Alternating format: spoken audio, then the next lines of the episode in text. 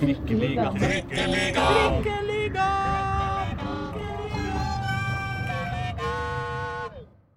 Oslo skjønner når det er fest. Ikke bare blei byen åpna denne uka så hver eneste innbygger fant fram sin stiligste singlet, leide en elsparkesykkel og dro på trening, så til stranda og til slutt på byen for å nyte hver bitte lille solstråle som vår skaper kasta på oss denne helga. Ikke bare var den varmeste, deiligste og frieste helga Oslo-folk har sett siden lenge før David Brokken kjøpte ølet. Nei, Oslo-fotballen ville ikke være en millimeter dårligere enn resten av byen, så hver eneste kamp, hvert eneste spark på ballen nesten, gikk Oslos vei denne vakre helga. Jepp, mine damer og herrer og andre, seieren kjører trikk. Og du hører på Trikkeligaen, Dagsavisens ukentlige podkast om Oslo-fotball. Og her sitter jeg, Aslak Borgersrud. Der sitter du, Reidar Solli.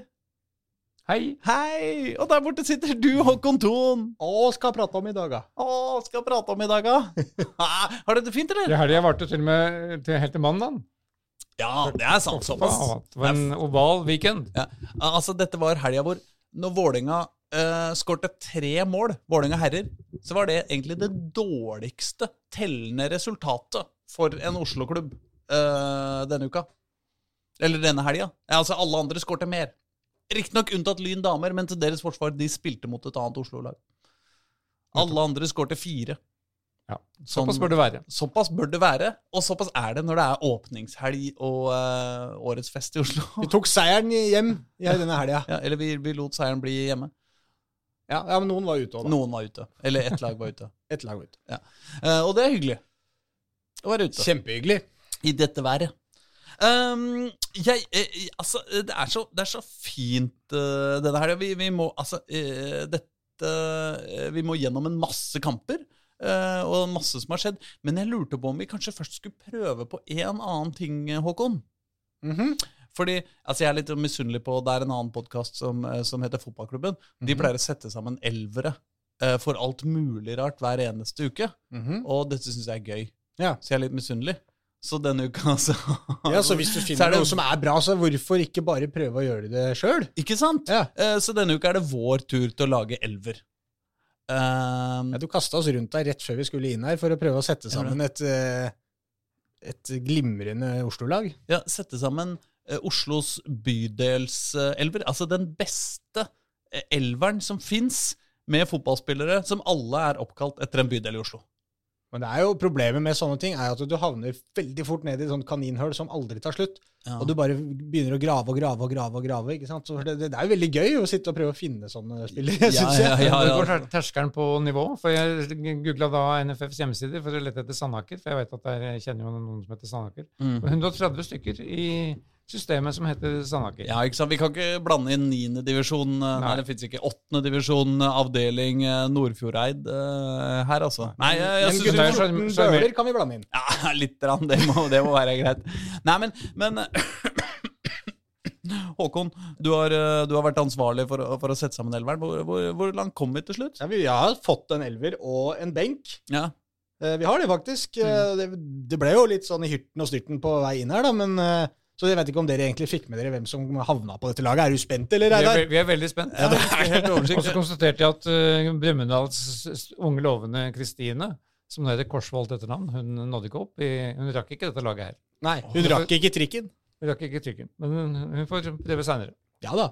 Det blir sikkert flere muligheter. Ja, ja, og hvis uh, lytterne har noen uh, bedre innspill til navn Men altså, vi må først komme til navnet, før lytterne får Ja, lov men til å tenke på om de har lytteren noe. nå sitte og gruble litt nå, mens vi babler om alt mulig annet. Det er sant. Hvilke spillere er det ja, som har et Som er- etternavn eller et fornavn, for så vidt? Det tror jeg ikke vi tenkte på at vi kan ha fornavn nå. Ja, som ha eh, fornavn. matcher et, en, en del av byen vår. Ja.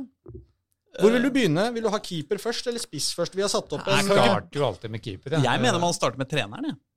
Ja, er treneren først. For der har vi de mest opplagte navnene? er det ikke det? Jo, jo, vi har gode navn på trener, trenerne? Jeg trenerplass. syns treneren skal komme til slutt. Ok, greit. Greit, Nei, men Da begynner vi bakerst. da. Begynner, Ja. på, begynner på keeperplassen. Vi spiller eh, 3-4-3, tror jeg vi kan kalle det. Ja, men det er ålreit, det. Ja. Det er ikke dumt. Det, det er Bak så har vi da Veldig moderne. Kent Are... Nei, bakerst i mål Keeper. Erik Holmen Johansen. Ja, ja. Holmen, ja. Holmen. ja. Holmendammen. ja. Ja. Rett nede på Holmenkollen der. Rett ved gressbanen. Grus. Ja, dere fortalte meg dette. Jeg kan ikke si jeg er jo kjent, men, Men eh, vi har kontroll. ja, og det- den er innafor. Ja, den er godkjent. Holmen er godkjent. Godkjent. Eh, Forsvar Kent Are Antonsen.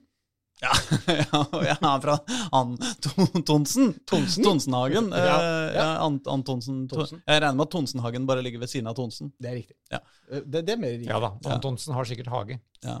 Han har jo det. Ja, ja, Ja, ja. han har det. Det er jo helt langt ute i marka. Hvis ikke man skjerper seg, hvor spiller, eh, hvor spiller han? Eh, Tromsø. Så hvis nå, nå så snart snøen går, så har han hage. I august, med andre ord. Sammen bak der Camilla Huseby, Ja, det er lett. Eh, Vålerengas uh, forsvarsdame. øh, og åstedet for Oslos nye og svært dyre vannforsynings, reservevannforsyningsanlegg. Bra slag. Stemmer. Som overføres ja, som, nesten, Huseby, altså. som nesten henne, Den og den tunnelen ender jo nesten på Kjelsås. Ja. Eller nesten. Det ender på Kjelsås. Ja, men det er den andre, på en måte. Ja, ok. Du snakker, Eh. du snakker om den første, du. Eh, ja. Ja. Jon Helge Tveita danner, eh, eller fullfører forsvarsrekka vår. Den er lett også. Jon Helge Tveita. Den tar alle, tror jeg. Den tror jeg den, den, den, Neste tror jeg også tar, for det er rett ved siden av. Det er Zakarias Oppsal på Ja. midtbanen. Han har jo også en bror som kunne vært på laget hvis han hadde vært god nok. Oskar Oppsal. Ja. Eh, men han får ikke, får ikke være med. Nei, det får holde med én Oppsal. Ja. Patrick Berg. Ja. Han også har en bror som uh, kunne vært eh, eller en Ja. fetter eller en diger familie. Men det er ikke til å komme unna at Berg er en bydel. Vi kunne eh, bare skrevet Berg, egentlig, så kan du plukke sjøl hvem du vil ha. Men Ja, det er vi mange, tok vel, mange velgere der. Ja. Ja. Man kunne ha lagd en, en elver bare med Oppsal og Berg, sannsynligvis også. Sannsynligvis. Uh, det er to på midtbanen, og så har vi selvfølgelig også Jan Gunnar Solliplass. Ja, han må være med. Hvis ikke han er DJ om dagen, da. Men eh, Jo da, men det er viktig med en DJ også. humør- God stemning blir det i garderoben med Jan Gunnar Solliplass. Mm. Så flytter vi oss oppover. Der har vi eh, Var det fire allerede på midtbanen der? Nei, vi, sp- vi spiller en slags diamant her, da. Så det er tre oh, ja, sånn, ja. Så vi har, så foran der, da, så har En vi tierrolle? Ja, en tier- tierrolle. Så har vi Kevin De Bruyne. Ja. ja, han må få være med. Han er med, selvfølgelig. Og så flankeres han av eh, Philip Romsås fra Koffa og Ruben Loftus eh, Cheek. ja. Eh, kanskje trenger litt forklaring. Reidar. Sistnevnte er fra Lofthus. Lofthus? Ja. ja. Passerer ikke du Loftus-veien? Spiller han på Lofthus Road? Ja. Nei, han gjør ikke det, men Han burde gjort. Ikke så langt unna. Nei, Nei. ikke så langt Han unna. London. nå. han må få være med på vårt lag, i hvert fall. Eh, Jeg må si det er godt, eh, Særlig offensivt er dette et godt lag eh, foreløpig. Både De Bryn og kan, Loftus jeg fikk jo opplyst dette, her, men jeg vet ikke helt hvor Loftus er hen. Nei, det er rett ved Årvoll. Så bare sånn hvis noen lurte. Mm.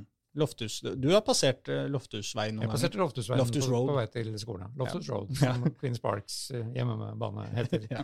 På, På topp Nordre Åsen. Henrik Kjelsrud Johansen. Ja, ja, men det er koselig. Og så har vi en benk. Da- Du må forklare. Det er ikke alle som vet hvor Kjelsrud ligger. Den, tror jeg. Nei, det er ikke det heller, kanskje? Nei. Aslak? Nei, du kan forklare hvor Kjelsrud Aner ligger. ikke hvor Kjelsrud Jeg har vært der. Jeg har vært der på omvisning. for Hvis Oslo hadde fått OL, vinter-OL kommende vinter i 2022, som de planla å søke om, så skulle O-landsbyen ligge på Kjelsrud, som ligger vis-à-vis Ikea oppe på Furuset. Ja, Ok, ok. det er der, det er der det er, det Ingen husker hva det heter, fordi at når man er der, så kjører man også, også forbi Bymiljøetatens eh, lokaler eh, med skiltet Ballerud driftsstasjon. Nettopp. Og da er det så lett å, å konsentrere seg om det. Jeg, jeg føler at hver gang jeg kjører forbi Ikea Furuset, så er det eneste folk prater om, er at her lå liksom gamle Furuset-bobla. Der hvor de spilte ishockey Ikke sant? eh, før. Det er det eneste folk snakker om når man kjører forbi den, føler jeg. Det er sånn Ikea. Ja. Kjelsrud har jo da skåra en rekke mål for Vålerenga. For Vålerenga, er absolutt. Og, og i år skal han eh, skåre en rekke mål mot uh, eh, eh, Koffa og Grorud. Det skal Han han. topper jo tabellen. På Fredrikstad. Topptabellen klart. Ja. Ok, vil du ha benken nå, eller? Kan gå og rase litt gjennom den, bare? Jeg skal da før Ja, ja, greit. Før. Nei, det er jo, det, det er jo disse trenerne da som jeg savner. Ja, selvfølgelig men, trenerne, ja. Ja. ja. Nei, men Le benken først, da. vil ha benken først. Ok, greit. Da blir det benken først. Hvem har vi på benken? Der er Vebjørn Hoff. Ja, det er, det er grei. Lars Grorud. Han uh, må få være med. Har ikke han lagt opp? Nei. Nei, han- Lars Grorud spiller fortsatt. Ja, Nei, han har vel lagt opp, tror jeg. han har det. Ja, gud vet. Og så skjønte jeg at Ja, er du, er du ferdig? Nei. Nei. Jesper Toyen. Det, det må være greit. Det får gå. Det er marginalt. Det begynner å bli marginalt. Det- Ja, det- Gjermund Aasen er grei. Gjermund Aasen er veldig grei. Ja. Eh, Er det Nordre eller Søndre Åsen? Søndre Aasen. Søndre Åsen. Ok. Gjermund Søndre Aasen. Ja. Henrik Ja, dette er din avslag, den må du ta på din kamp. Henrik Bjørndal. Ja, Henrik Bjørndal? Ja. Ja, det er, det er ganske nær, altså. Det skal ikke mye talefeil for å bli Jeg Henrik føler liksom at Bjørndal. vi fulgte et slags mønster her ganske lenge, hvor det på en måte var stedsnavnet, men så ramla vi ut på Kevin De Bruyne og, og Bjørd, Bjørdal. Bjørndal, ja. Og helt til slutt, selvfølgelig, stjernene sjøl, Johannes Mikael Espolin Storo. Og han, hvor spiller han igjen? Hvor- Ja, det, det. det veit du, Aslak. Tenk, tenk deg om nå. Ja, det er flaut. Ja, du får si det, du, da. Bøler, gutte 14. Bøler gutte 14. Ja.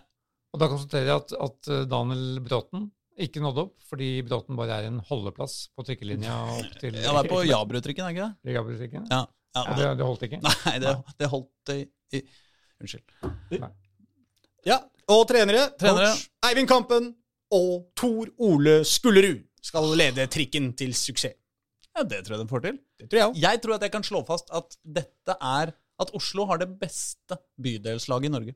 Vi har jo sånn flest bydeler og områder å ta av, så vi burde jo sånn sett også ha det beste laget. Ja, men altså, Hvis du greier å finne en eller annen, eh, en eller annen Gunnar eh, Bakklandet, eller eh, Ja, ikke sant? Mm. Fredrik Fana. Fløyen. Eh, Philip Bjarne- Fløyen og Fredrik Fane. Ja da, Bjarne, Bina- Bjarne Byåsen, han, eh, han spilte jo på Hva heter det for noe? Ranheim 4. ikke vet jeg, min, men jeg min spiller uh, Sin, Sinsesjenko kom jo ikke med heller. Sinsensjenko, ja. Ja, han han. Sinseng, Sinseng. Ja. Nei, hvis noen Så har vi jo en agent i alle disse gutta òg. Ja, det er sant at du skal kjøpe og spille, spille, selge spillere. Ja, hvem er det? Ja, har Knut Høybråten. Ja. han kan få Og så har vi på et, et eller annet finurlig vis klart å lure også inn da en som skal være rekrutt eller talenttrener for damene til dette laget her, og det er Kenneth Østerås, som til daglig er akkurat samme rollen i Vålerenga, da. Ja. Det var jeg som kom strekkende med han. Han Ja, du jo- gjorde Han må jo På få målstreken. Ja, klart. Kenneth Østerås må med. Det er rart siden vi hadde flere damer på herrelag... eh, Hvis dette var herrelaget, da. Ja, men Vi har akkurat starta opp damelaget, så det er bare hun Huseby som har kommet seg inn i startelveren. Og så har vi ansatt Østerås for å rekruttere flere damer da inn i Trikk, trikk FC. Det er dessuten veldig vanlig uh, En del av uh, på en måte origin story til veldig mange veldig gode damespillere at de har spilt en del sammen med gutta. Ja. Eh, Så rakk vi ikke å sjekke om Pål Anders Ullevålsæter spilte fotball fra han var åtte ut til han var ti år. Åh, det er sant, det hadde vært koselig. Journalist på kampen. Hæ? Journalist på kampen blir Reidar Solli også plass. Ja, det er sant. Ja. det er sant. Han, du dekker Reidar Solli-plass dekker. Det går fint. dekker det. Ja. Jeg tenker meg om, jeg heter jo Frydenberg, det er jo også et sted oppe ved Sinsen der. Er det det? Ja. Jaha. det er sant. Så jeg kan komme, jeg òg, da. Jeg får ikke være med. Du får bli hjemme. Men eh, hvis eh, lytterne har noe bedre innspill eh, til eh, enda smalere eh, elvere vi kan sette opp eh, Gatenavn? er det dette? Det burde være lett mulig. Ja. Eh, nei, ja. Eh, Kom med forslag til eh, andre Oslo-relaterte fotballelvere vi kan sette opp. Så får vi til det neste gang. Men nå, mine damer og herrer, eller mine herrer da, som sitter her, tror jeg vi må bevege oss videre til helgas fotballkamper. Mm. Bare nyse litt først. Hvor skal vi starte? Jeg tror eh, at vi skal starte eh, på Grorud. Eller med Grorud. Med Grorud. Ja, Du, med, med Grorud til Toten. du var på tur altså Vi kommer jo aldri utenom når det skjer noe på Nammo stadion, så er jo vi selvfølgelig der. Hver eneste gang. Vi er tett på Nammo. Og du var selvfølgelig på Toten. Jeg var på, På jeg var på utflukt. Fortell fra A til Å. Ja, det det, det er en lang eh, historie, egentlig. fordi at jeg var jo, hadde en uke på Grorud eh, forrige sesong, Mhm. hvor jeg også var der oppe. Da kjørte jeg sammen med eh, mediesjef eh, Frode Englund og materialforvalter Espen Jonsrud opp der. Eller er det Johnsen? Han heter kanskje Johnsen. Beklager, Espen. Espen kaller jeg det.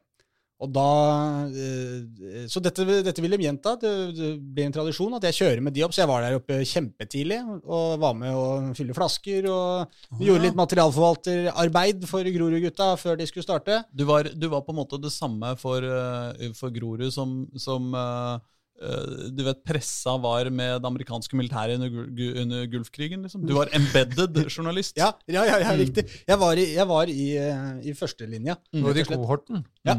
Ja. Og igjen, sola skinte der oppe. Tenkte ikke stillongs. Jeg hadde selvfølgelig pakka stillongs når jeg skal til Toten, så regner jeg med minusgrader. Mm. Men det stråla jo og var helt fantastisk å sitte der oppe. Jeg blei solbrent fra topp til tå. Eh, og så begynte fotballkampen. Og det var altså Jeg klarte liksom ikke helt å sette ord på det, for jeg syns det var perfekt. Det er jo et godt ord. Såpass, ja. Første omgang. Det var uh, Man kan si at Raufoss De skuffa litt, syns jeg. Mm. Men veldig ofte når vi ser Grorud eller Koffa spille mot et lag som kanskje ikke er helt på topp den dagen, så er det likevel ikke sånn at de bare valser over motstanderen. Det er noe med å utnytte seg av feil motstanderen gjør, utnytte de rommene som dukker opp, klare å treffe på de pasningene når det åpner seg opp. Og det er sånn de beste laga gjør. Mm. Altså de, når man ser de aller beste laga som møter lag som gjør små feil, Mm. så straffer de dem med en gang, og så scorer de tre-fire mål, og så er det over. Mens vanligvis hvis det er to lag, så veldig ofte hvis det blir gjort noe feil, så klarer ikke alltid det andre laget å, å straffe dem så kraftig. Men i denne første omgangen så valsa Grorud over dem. Raufoss fikk ikke til noen verdens ting. Så De var først på alle baller, vant alle dueller, vant alle andre baller, og de stakk inn i bakrommet hele tida. Altså, de ødela rett og slett bakrommet til Raufoss fullstendig. De hang ikke med på noen verdens ting. Mm. De angrep til høyre, venstre, sentralt. Løpene kom. Pasningene fra Preben Mankovic satt som et skudd. Og skuddene satt som et skudd også. Bortsett fra straffesparket hans. Ja, Det satt ikke som et skudd. Men det var litt morsomt. Aga skårer jo da to mål, ikke sant? Mm. Starter med to mål av eh, Aga.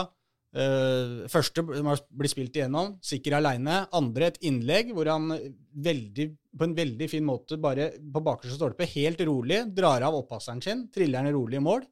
Deilig å se, syns jeg, når spisser har den roa. Og ikke bare Og nå har jeg ballen på seks meter, men hvorfor har jeg klemt av et skudd her? Og så her Mm. står det en fyr i veien, men bare ta et steg til sida. Han forsvarsspilleren henger ikke med, triller han rolig i hjørnet. To mål av Aga, 2-0 til Grorud.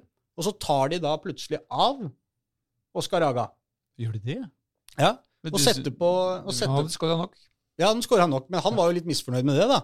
Så jo det når han gikk av, hørte etterpå at han var litt sånn småskuffa over at han, han jakta jo hat tricket her. Mm. Og det var jo masse plass og rom til det, for Raufoss måtte jo stadig framover. Og så gjorde de et dobbeltbytte, da, hvor, eh, hvor eh, Fredrik Pettersen kom inn som spiss for Jaga, og så kom Sindre Osestad også inn. Og det første Fredrik Pettersen gjør, er å skaffe straffespark til Grorud. Mm. Som du sa, Reidar, så bommer Preben Mankovic på den, men så dukker Osestad opp på returen og setter inn. Å ja, så han fikk eh, satt den sjøl?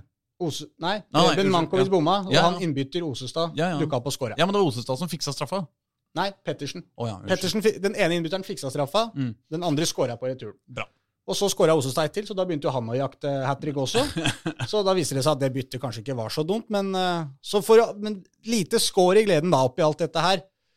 For fram til det her var vel 75. minutt, da, fram til det, da koste vi oss alle sammen som håpa på Grorud i denne kampen der. For eh, da, jeg, jeg fulgte jo kampen vår på en app, og da så jeg Grorud leda 4-0. Ja. Da tenkte jeg, når, når har det skjedd sist på en bortebane med Grorud? ja? Det I var, hvert fall ikke i denne divisjonen. nei, det har ikke Nei. skjedd. Og, og da te, tenker man at dette skal bli en perfekt dag. Men så blir det jo ikke det, da. Fordi at det siste ti så slipper de jo inn fire mål. Fire. Ja, De slipper inn fire mål, men to Ja. av dem blir jo annullert da, for offside. Oh, ja, det er Ja. såpass, ja. Ja, de slipper, Men de slipper inn fire mål i løpet av de siste ti minuttene. Og det er, for Raufoss dytter jo fram alt de har, ikke sant? og går i dueller og header og lager Sånn som Raufoss skal spille fotball. da. Jeg skjønner jo ikke Mm. hvorfor de prøver på noe annet, egentlig, når de er så gode på akkurat det der. Alle lag syns jo det er et helvete å møte Raufoss når de spiller sånn. Når de flytter opp alt de har, og slår baller inn i feltet. Hvorfor gjorde de ikke det fra start? Ja, de kunne gjort det fra start. Da ville det i hvert fall ikke stått 4-0 til Grorud. Nei. Men eh, det er klart, eh, man vil kanskje prøve å utvikle noe annet. Nå skal ikke jeg snakke for mye om Raufoss, men de skårer i hvert fall fire. To av dem blir stående, og det blir litt sånn der, Litt panisk på tampen her for Grorud. sånn at de, Du får ikke på en måte den kjempegode følelsen som man kanskje hadde fram til 75., da. Men når man, jeg tenker sånn dagen Men var de to andre tvilsomme? Tvilsomme var offsider begge to. Den Ja. ene var eh, umulig Altså For meg, jeg sto på helt andre sida, så vanskelig å bedømme disse offsidene. Men, eh, men eh, han journalisten til Oppland Arbeiderblad, Knut Befring, han hadde satt noen bilder av situasjonen hvor han viste, han viste meg etterpå at det var en Grorud-spiller som lå på innsida. Det var bilder riktignok tatt etter at denne headinga gikk, da, så det var jo vanskelig å bedømme. Men han mente det var, skulle vært vanskelig for han Grorud-spilleren å komme seg så fort på den sida, da. Et, Ja. Når han hadde tatt det bildet. Så det første han lærte Alltid lyttet til Befring. ja, ja, ja. Jeg lytta, jeg. Ja. Men om jeg var enig, veit jeg ikke. men, eh, men den var i hvert fall Den var kanskje litt Men det var egentlig nær et sammenbrudd. Det var det det var. Si. Ja. Så det, det de skåra vel i 82. eller noe sånt, og så tror jeg det første annullerte kom etter 85 eller noe sånt, og så skåra de i 89 eller noe sånt, og så et 90 pluss 3. Og det 90 pluss 3 ble også da annullert, altså da var, da var det jo håpløst på en måte. Men det blei såpass mye trøkk på Grorud at eh, de, fikk, de fikk seg på en måte en sånn Man må holde hele veien inn her. Det er ikke, det er ikke ferdig på 4-0 selv om du har spilt 75. Men eh, likevel, Ja, likevel. sjøl om Ja de da, ja da, ja. litt på slutten, så må det jo være lov å si hva i huleste var det som skjedde med Grorud? Vi satt jo her og hadde sånn herre alle, hele gjengen inne på, på trikkeligaen og diskuterte, di- diskuterte Obos-ligaen før den skulle begynne.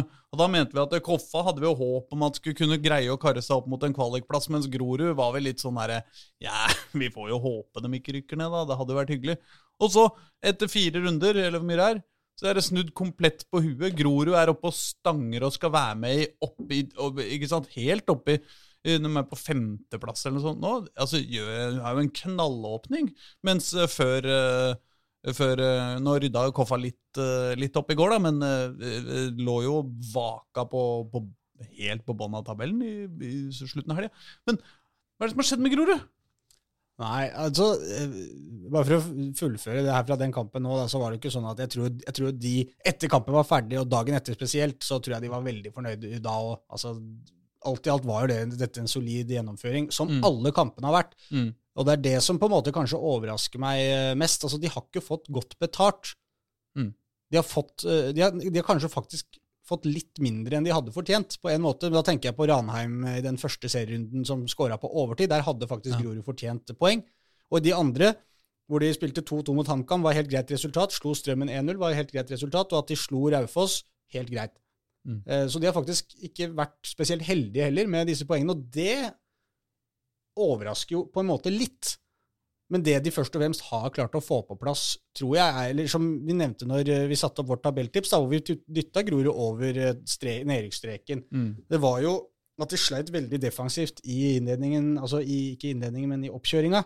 Men vi slapp jo en haug med mål i Ja. alle, alle treningskampene. Det var jo derfor vi plasserte dem der vi, der Ja. vi gjorde. Ja, og de had, men de, hadde, men de skåra også i alle treningskampene, så på en måte, de er jo litt motsatt ende av det KFUM er, da, hvor vi hele tiden må peke på hvem skal skåre mål.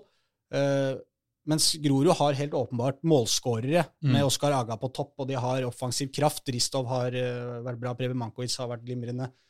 Uh, men så henta de jo inn Tobias Collett på siste dagen av overgangsvinduet der, Mm. som er en kjempegod back, og han har levert. Han har vært knallbra defensivt. Det er potte tett på høyresida til eh, Grorud. Og han spiller mer og mer for hver kamp også. Starter nå kampene og, og spiller, holder ennå ikke hele kamper, men, eh, men han er på vei, og han spiller knallbra. Og virker som at det å få på plass han var eh, veldig viktig. Og så har de også Glenn Harviken som sp sp- spiller i midtforsvaret der, var jo litt morsom nå mot Raufoss. For han hadde jo Han hadde jo Han sleit litt med magen, da, for å si det sånn. Oh, ja. Ja, Så det var litt spørsmål om han ikke skulle rekke denne kampen eller ikke, om han skulle bli hjemme, om de skulle få med en, spill, en annen spiller istedenfor oppover, osv., osv. Og dette fikk jo jeg med meg alt sammen i bilen ikke sant, når vi kjørte oppover, for de ringte jo fram og tilbake. Og jeg møtte jo Aksel Bergo på Grorud klokka ti på morgenen her òg, før vi dro. Hvor han var litt bekymra. Liksom, hva gjør vi? Kommer han til å spille, eller kommer han ikke til å spille? Og, øh, og, for de har jo ikke så veldig dybde der. ikke sant? Hvis han måtte ut, så måtte de kanskje dytta Martin Høiland ned på stoppeplass. Eh, Da mister jo Høyland seg den offensive krafta han eventuelt kan bidra med fra midtbaneposisjon osv. Mm. Ellers så har de bare ung William Bjeglerud som kan gå inn på, på den stoppeplassen. Så det er litt sånn, det er ikke så mye dybde, som er veldig avhengig av at de har de spillerne de har. Men når de klarer det, så, så virker det som at dette Grorud-laget faktisk er mer enn godt nok til å, til å kjempe i, uh, i førstedivisjon.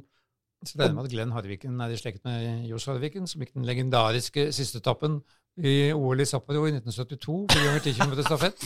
Snubla og tapte for Denien på oppløpssida. Men det var Johannes Harviken. Ja. Eh, Glenn Harviken uh, atskillig viktigere for Grorud. Han hadde kontroll på magen òg, Johannes. Ja. Men hva var men det var jo, det var jo, det var jo han god, Reidar. Det må være lov å nevne. Ja, Så du Nå er du god. ja, ja, men det god. innimellom kan det være det. Ja, ja, ja. ja. Men, eh, men, Men de Grorud gjorde jo et lite poeng ut av dette her. da. De ville jo veldig gjerne at Glenn skulle bli på en måte matchvinner, eller at om han dreit seg ut på Raufoss, ikke sant. Og, og så ikke minst syns jo mediesjefen det var veldig gøy. Han plutselig bare skrudde av musikken i bilen på vei oppover. Så jeg må ringe til Glenn nå. Og gjør sånn, ja ok. Dette er kjempegøy! Jeg lover, dette er kjempemorsomt! Så ringer han, og så spør han bare hvem skal vi spille mot i dag. Så svarer Glenn Raufoss, og så holder han på å le seg. Han Glenn syntes det var sånn passe, passe gøy. Ja, så bare sa jeg, jeg orker ikke nå. Vær så snill.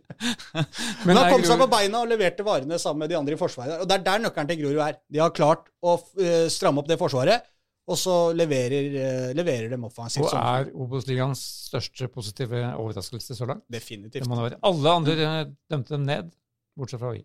Ja. Men eh, vi er jo ikke helt i mål ennå. Nei, det er, det er det jeg føler jeg også. Man tenker sånn, jeg Husker i forrige sesongen også, Grorud. Tidlig i Ja. sesongen der lå høyt oppe. Den var på kvalik ganske langt ut på Etter vi hadde spilt ti-tolv 10-12 kamper eller noe sånt. Og vi var Mm. på en måte sånn Jøss, hvor bra kan de komme, hvor høyt kan de klare å komme? på en måte, Mens man, man satt jo hele tiden med en følelse at dette, kan, dette kommer vel ikke til å gå. Det blir vel en kamp mot nedrykksstreken. Men igjen, hvis oppskriften fungerer eh, som i fjor, da, så, eller forrige sesong, så, så de, Alle poeng du tar, hjelper. Om du tar masse på starten, og så, ja, så blir det mindre mot slutten, greit. Men poenget er at de skal ta nok til å holde seg. Det er det som er målet. Og Hvis de nå har spilt fire kamper mot variabel motstand, noen mot bra og og noen mot eh, mindre bra, Ja. og egentlig i hvert fall ikke vært det soleklart dårligste laget i noen av kampene, så tyder jo det ganske bra. da. Og det var jo litt gøy. Aksel Bergo sa det i e- intervjuet som vi hadde med han før sesongstart. der. Hva var ambisjonen? Og det var å være på skuddhold når kampene skulle avgjøres. Og det har de vært i alle kampene. Mm. De har vært med når det har stått igjen eh, fem og tre minutter, og ett minutt, for så vidt nesten, mot Ranheim. da. Så de har vært på skuddhold til å ta poeng i alle kampene, og de har tatt poeng i eh, tre av fire. da. Men hvordan takler han livet i teknisk sone, da? For det var han jo skeptisk til før sesongstart. Ja, det er ikke, han, er, han, han viser seg ikke veldig mye bortpå der, men han dukker jo opp innimellom og gir noen instruksjoner. Men han er ikke, det er ikke Jørgen Isnes. Nei. Han finner sete iblant uh, Aksel Bergo. Så det blir fascinerende. Neste kamp så møtes de. Aksel Bergo mot Jørgen Isnes. Neste seriekamp. Ja, det er, 12. juni. men, det er, men det er litt gøy. Det er kontrast der, og det er kontra, veldig kontrast mellom uh, Koffa og Grorud også, syns jeg. På, akkurat som vi snakka om, da, med at eh, Koffa på en måte som er måte med litt sånn spillende stil. De skal, de skal Mm. holde i ballen, de skal spille ut motstanderen. Men mangler på en måte det siste foran der. Mens Grorud har vært veldig gode til å variere. Mot HamKam skåra de tidlig i det andre. Og kunne tillate seg da å være veldig tålmodig med ballen. De sto og trilla ball fram og tilbake i forsvarsrekka. Og HamKam hadde jo ikke interesse av å dytte opp mye folk, for de var jo livredde for at Grorud skulle kontre inn en til. Så HamKam ble bare stående og se på. Når HamKam kom litt høyere, så angrep de hurtig. Mm. Og, så de har liksom det aspektet sitt. Og nå mot uh, Raufoss også, så var de veldig gode i å slå tidlig inn i bakrom flere ganger. Så de, de klarer å uh, justere seg etter hvem de møter, på en veldig fin måte. De, de, de har flere angrepsvåpen nå, syns jeg, måten de spiller fotball på. De har klart å på en måte utvikle det litt, grann, ser det ut som, faktisk. Koffa sitt, altså, motarg, altså Motargumentet mot Koffa er jo noen ganger at det blir litt for mye av det samme. Altså, ja, dere prøver, og det er fram og tilbake, og når det funker, så funker det. Men, men, men Koffa er ikke i utgangspunktet fornøyd med uavgjort. Det er forskjellen. Grorud er, kan si seg fornøyd nesten med uansett hvem de møter. så kan Mm. de si seg fornøyd med uavgjort. Mm. Og det var nøkkelen, husker jeg, under Eirik Kjøna. Han snakka masse om det. Vi må være tålmodige. Det var ingenting. Vi skal opp, vi trenger ikke å angripe. Vi trenger ikke å spille på høy risiko. Bare vent til de kommer, og så kan vi angripe. Mm. Og det har de vært flinke til også denne sesongen her. Men dere, vi må bevege oss eh, videre, og da kan vi jo liksom godt gå til Koffa, da.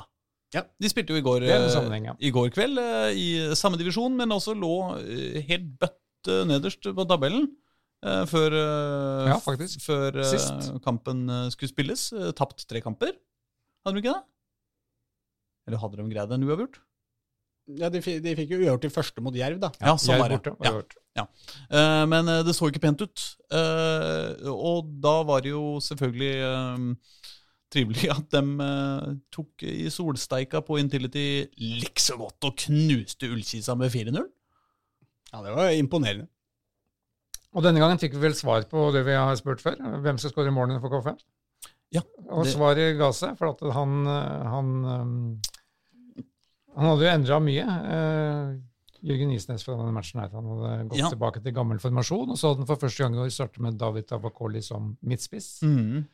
Og da måtte jo um, vår venn målskåreren Jeg har jo ikke alle navn Sanyang? fra huet mitt. Sanyang, ja. Måtte Ja. ut på venstrekanten. Og det det. var jo et uh, Altså, det var Genitrekk er kanskje å overdrive, men uh, han blomstra i den nye rollen? Altså, vet du hva, jeg tror nesten jeg vil si det var et Altså, det, jeg var helt altså så blåst bort av San Yang på venstresida. Alt som skjedde eh, på KFA-laget som var gøy, eh, det skjedde på venstresida. Eh, de skåra to mål i, eh, i første omgang eh, ved henholdsvis eh, eh, Romsås og Sørås. Sørås er ikke en bydel i Oslo. Nei. det er en komiker, Ikke- ikke- men det teller ikke. Eh, men begge eh, de angrepa var helt sånn tydelige Sanyang sine, sine angrep. Eh, På den ene så spiller han vel inn eh, en 45 grader etter et eh, lite raid, og, og, og den andre kommer fra en retur. Um, men det var veldig sånn Altså, han var raskere enn alle andre, han var ivrigere, mer på enn alle andre. Og så skårer han jo like godt to mål sjæl i andre omgang også, og da er det jo helt sånn eh, det, var, eh, det var en spiller som, eh, som jeg syns lå to hakk over alle andre på hele banen. Altså. Enig, han var, i- han var i særklasse. Jeg syns også Tavakoli var bra. Han skapte mye rundt seg. Han la vel opp til det første skåringa. Altså, han var nest sist Nest sist assist. Ja, ja, Andre assist. Andre assist. Ja. Ehm, og Romsås Garos Mm. synes jeg, liker han spillertypen Romsås, ja, han dribler drible, driblende, Ja. dribleglede på høyrekanten er vi jo glad i Oslo-fotballen om dagen. Ja, men Sanyang, han, altså, når han kom til KFM også, så så man jo eh, at han har noe. Mm. Og han kom til masse drøssevis med sjanser i de første kampene sine for KFM, men skåra jo ikke på noen av dem. Mm. Og jeg husker at jeg prata med Jørgen Isnes om dette her, ikke sant? og dette, var jo en, altså, dette er jo en god kvalitet. At du klarer å komme deg til disse målsjansene. Mm. For hvis du fortsetter å gjøre det, så kommer du etter hvert til å begynne å sette dem også. Så det er det som har vært liksom det store, den store terskelen for uh, Sanyang. Da, komme seg over den og få satt de ballene i mål. Eventuelt spille opp andre. Da. For det også noen ganger i starten der, så uh, forrige når han kom til KFM, så var det litt dårlig valg òg.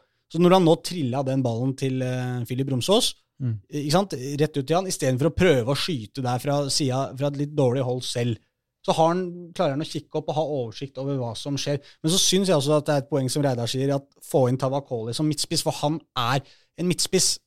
Altså, Tavakoli er den eneste ordentlige midtspissen KFM har, og jeg også syns han var god mye av det han gjorde nå, som et sånt oppspillspunkt og linkspiller. ikke sant? Spille litt kombinasjoner med han. Og du kan godt si ja, det målet hvor han spiller Romsås der og Sanyang, det er Sanyangs initiativ. Mm. Uh, uh, og det er han som på en måte fullfører det med å spille til Romsås.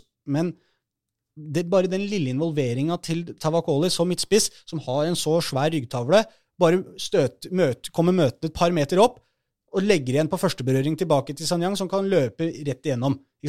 Ja, det er ikke noe, det er ikke noe hokus pokus, men det er veldig mange uh, spisser som ikke ser viktigheten av at, å gjøre det så enkelt da, som det Tavakoli gjorde der. Jeg, jeg syns også han klarte det flere ganger, og så skulle jeg gjerne sett det enda mer av han. Ja, det er enig. Altså, jeg, for jeg, jeg, jeg kjenner at jeg stusser litt på deres, eh, deres um, ovasjoner overfor uh, Tavakoli i Tavakoli i går. Jeg syns ikke eh, ehm, Jeg syns han uh, framsto litt som en sånn klassisk uh, vaksinert uh, spiss. Um, Jo, men det kan han godt være, hvis, hvis Sanyang, hvis Sanyang scorer fra kanten, da.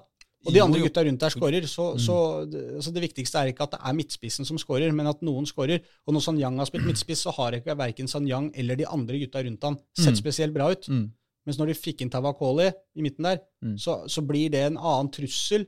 Han beveger seg på en annen måte. Han er veldig mye bedre vant til å spille den midtspissposisjonen der. Og det, det ser man på han. og det, Jeg synes, altså, Det virka farligere kort og godt hver gang KFM kom i angrep. Absolutt. På et annet nivå enn det vi ikke har sett før i år. Og eh, det, det går ikke an å klage på et angrep som skårer fire mål. Uh, så det er ikke det jeg mener. Jeg bare, jeg bare syns det var veldig, veldig tydelig at, uh, at det var uh, det var, det var særlig venstrevingen, men også høyrevingen. Funka men, bra. men Aslak, jeg er helt enig med deg. Altså, sånn, Nei da, men jeg er helt enig med deg. Men at, sant, det, du kan si at, som jeg hyller, den enkle pasningen til Tavakoli Det er ikke meningen å ta noe bort fra Sanyang, fordi du trenger en som tar det initiativet, som setter opp den veggen. Som, ikke sant? Og Det er jeg helt enig i. Det det, det, er ikke, for å ta noe bort fra Sanyang, det var bare for å påpeke at uh, dette, har, dette skjedde ikke da Sanyang spilte midtspiss. Mm. Så det er, bare, det, det, det er bare egentlig å hylle hele treeren, at det, det, så bedre ut Mm. som en helhet foran der. Det var i hvert fall veldig moro. Ja, det var det veldig Og moro. Og det er klart at når du ligger helt på bånn, og så tar du Ullkisa med, med, med fire mål, da. Ja, ja. Det, hvem hvem er favoritt da nå, når de, nettopp disse to lagene skal møtes? Begge skal ha fire mål i siste match. ja, nå, Hvordan nå er det jo en liten pause fram til det òg, da. Så Så, kommer kampbildet der til å bli? Det lurer jeg på. Men det kan vi snakke om neste, neste ja, det, uke. det, er, det som er veldig interessant med Grorud og Koffa, bare for å ta det kjapt, er jo at eh, de kampene de møtes, er jo alltid kjempemorsomme. Det blir Mm. ofte mye mål. Mm. Eh, veldig ofte skjevfordelt mål, da, så det blir veldig ofte klar seier til et av lagene, men, men likevel veldig jevne kamper. og Det er det som er så gøy med de to lagene, at de er så veldig ulike spillestiler. At akkurat det KFM er gode på, det er akkurat det Grorud vil at motstanderne skal gjøre.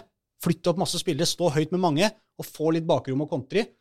Og, og, og KFM vet jo det, så de noen ganger tør jo ikke helt å gjøre, spille sitt spill når de møter Grorud, og velger litt annen strategi. Tenker vi gir dere ballen, så får vi se. Og det var jo det Raufoss prøvde på nå. De prøvde å gi Grorud ja, initiativet. De ville ha Grorud fram. Ja, ikke Ja. sant? Og Grorud tok initiativet Ja. og skapte masse. Og det bekymrer nok Jørgen Isnes litt, at, at uh, hvis du gir Grorud ballen nå For jeg tror Raufoss tenkte som så at eh, ok, Grorud de vil sikkert prøve på kontringer, men de har, uh, de har ikke noe å komme mot vårt etablerte forsvar. Da kommer de ikke de til å skape noe. Og så starter kampen, og så, og så huller de dem rett og slett fullstendig. Det er i alle bauger og kanter. Og når Isnes ser den da, så ok, kanskje de må ta tak i ballen her, da, og ikke gi Grorud det initiativet, for de beviste at de kan spille ut lag. Vi kanskje får en kamp hvor ingen vil ha ballen. Det blir bli morsomt. Ja. Jeg tror vi kan uh, gå videre til uh, neste Nei, men jo, men eh, jeg må bare nevne Når vi Ja, først jo, er KFM Når når vi først er på KFM, så har jeg driver drevet og blanda meg opp i KFM fordi de driver og lager ny kunstgressbane om dagen. Mhm. Ja, jeg bare jeg tenkte å nevne det, det, jeg syns det er en litt artig historie. ja. Eh, eh, for det skrev jeg en sak om i forrige uke, eh, i, po i min jobb i, som politisk journalist i, i Dagsavisa. Å, skryter. Ikke sant, ikke sant. Nei, men fordi at eh, Så Politisk journalist skriver om kunst eh, om gummigranulat. Absolutt. Det er kjempefint. Fordi Byrådet i Oslo har jo vedtatt at de ikke skal legge flere baner med, kunst, med, med gummi i kunstgresset i Oslo. På kommunale baner. Mm. Uh, dette er jo enkelte i fotballen som sier ja, men, uh, men uh, det fins jo ikke noen andre måter å lage kunstgressbaner på som er godkjent. Og så sier byrådet sånn Nå tolker jeg dem, altså. Sier de Æ, det kan ikke løse det. Eh, så er problemet at Koffa har jo to baner. De har en som heter Ekeberg 1, som ligger eh, på, på en måte Ekeberg skolesida av eh, veien over, uh, da over Ekebergsletta Det der. blir spilt før. Ikke sant? Og så har de en som heter KFUM Arena. Ja. Som ligger på Ekeberghallen-sida for, for de lokalkjente. ja, Ekeberg skole, ja. ja. Nå hang jeg med. Nå tenkte jeg Brannfjell, Ja. Nei, ikke Brannfjell skole. Nei. Eh, problemet er at KFUM Arena eh, Altså, begge disse banene er ødelagt. Eh, de, det er gamle, slitne kunstgressbaner, hvorav den ene er, er eh, faktisk helt, eh, helt ødelagt. Den ble bygd i cowboytida i Oslos kunstgressbaneepoke. Og den andre er Den som er KFUM Arena, den er bare egentlig altfor ødelagt. Men der skal de også bygge en ny stadion. Så de kan ikke fikse den kunstgressbanen som ligger på KFUM Arena, som er KFUM sin egen. Eh, Fordi der skal de jo akkurat bygge en ny stadion. Det hadde vært mm. dumt å bruke millioner av kroner på å bygge en kunstgressbane og så rive den om tre måneder fordi du skal bygge stadion. Så får de ikke lagd, eh, fiksa, denne andre kunstgressbanen sin, den som ligger på Ekeberg skolesida, Ja. fordi den er bare fem år gammel. Riktignok er den ødelagt, men eh, tippemidlene vil ikke gi penger til en eh, kunstgressbane før det har gått ti år. Det er de, det er der de har tenkt å spille høstsesongen. Det er der man har tenkt å spille høstsesongen. Så derfor så har KFM bare bestemt seg for at ok, altså, da får vi bare gjøre det sjøl, da. Får betale, bygge, eller reparere, da. Det, er jo ikke en sånn, det er jo ikke en ny, nybygging av banen, men de reparerer den. Um, Eller de legger vel nytt teppe der? ja, men de bytter ut litt, og, men det er ikke sånn ja, okay, fullstendig, eh, Renovasjon. fullstendig Nei, renovasjon. men det er ikke så mye å endre på den, for det er jo bare en gressmatte der. Det er jo ikke noe fasiliteter rundt den banen. Nei, nei, nei, men det er jo litt uh, Men det er- det er gummi her det er som er problemet. betong Og... ja, men ikke sant, så er jo problemet at byrådet har jo bestemt at det ikke skal legges eh, kunstgress på, eh, med gummi Ja. eh, på Oslos baner. Men siden det er Koffa som gjør det, og betaler for det sjøl, så får de lov likevel. Og så syns nå Bymiljøetaten at det var litt dumt. Eh, Så de på en måte angrer litt på at de har gitt KFUM tillatelse. Og så er det jo mye folk eh, oppe i nabolaget som er sure på at det skal komme mer sånne gummigranulatkuler eh, rundt omkring i naturen og på Ekebergsletta sånn. Men kommer det egentlig noe mer, da? For det ligger jo allerede en kunstgressbane der med gummigranulat på. Ja, det er sant. Så det blir jo like mye som før, da. Ja. Men eh, eh, det blir i hvert fall en ny kunstgressbane der. De bygger for harde livet. Du må bygge fort før det blir, st før det blir stoppa. Før det blir forbudt. ikke sant? Eh, Det spennende er jo selvfølgelig hva skjer neste gang en kommunal kunstgressbane skal byttes, Men- som brukes til toppfotball. Men hva skjer, kommer til å skje med den da? De skal, de skal jo ha en matte der også. Ja, men der er to ting. For det første så er det en Koffa sin, og ikke Oslo kommune sin. Ja. Og dermed så kan Koffa bestemme sjøl. Men Koffa er jo gira egentlig på å være miljøvennlig. Eh, sånn at eh, de vil jo de, Men eh, de håper at teknologien skal ha på en måte løst problemet i løpet av de eh, tre åra eller noe sånt, før den står ferdig. Fordi det jobbes jo noe jævlig med dette. ikke sant? De lager sånn olivenkjernebaner, og det er noen som lager korkbaner, og det er noen som lager eh, eh, granulat, gummigranulat med noe sånn gummi Nei, med noe sånn eh, organisk i midten og gummi utapå, eller er det omvendt? Jeg husker ikke. Men det er masse sånne varianter, da. Og så er det noen, noen baner som legges rett og slett uten gummi i det hele tatt, som bare har sand. Uh, og så går det an å legge en padding med gummi under gresset. Ikke sant? Det er masse varianter her. Men uh, i bunn og grunn så mener jo stort sett fotballen da, at det ikke går an å lage en bane som blir godkjent uten gummigranulat. Altså godkjent for sin del.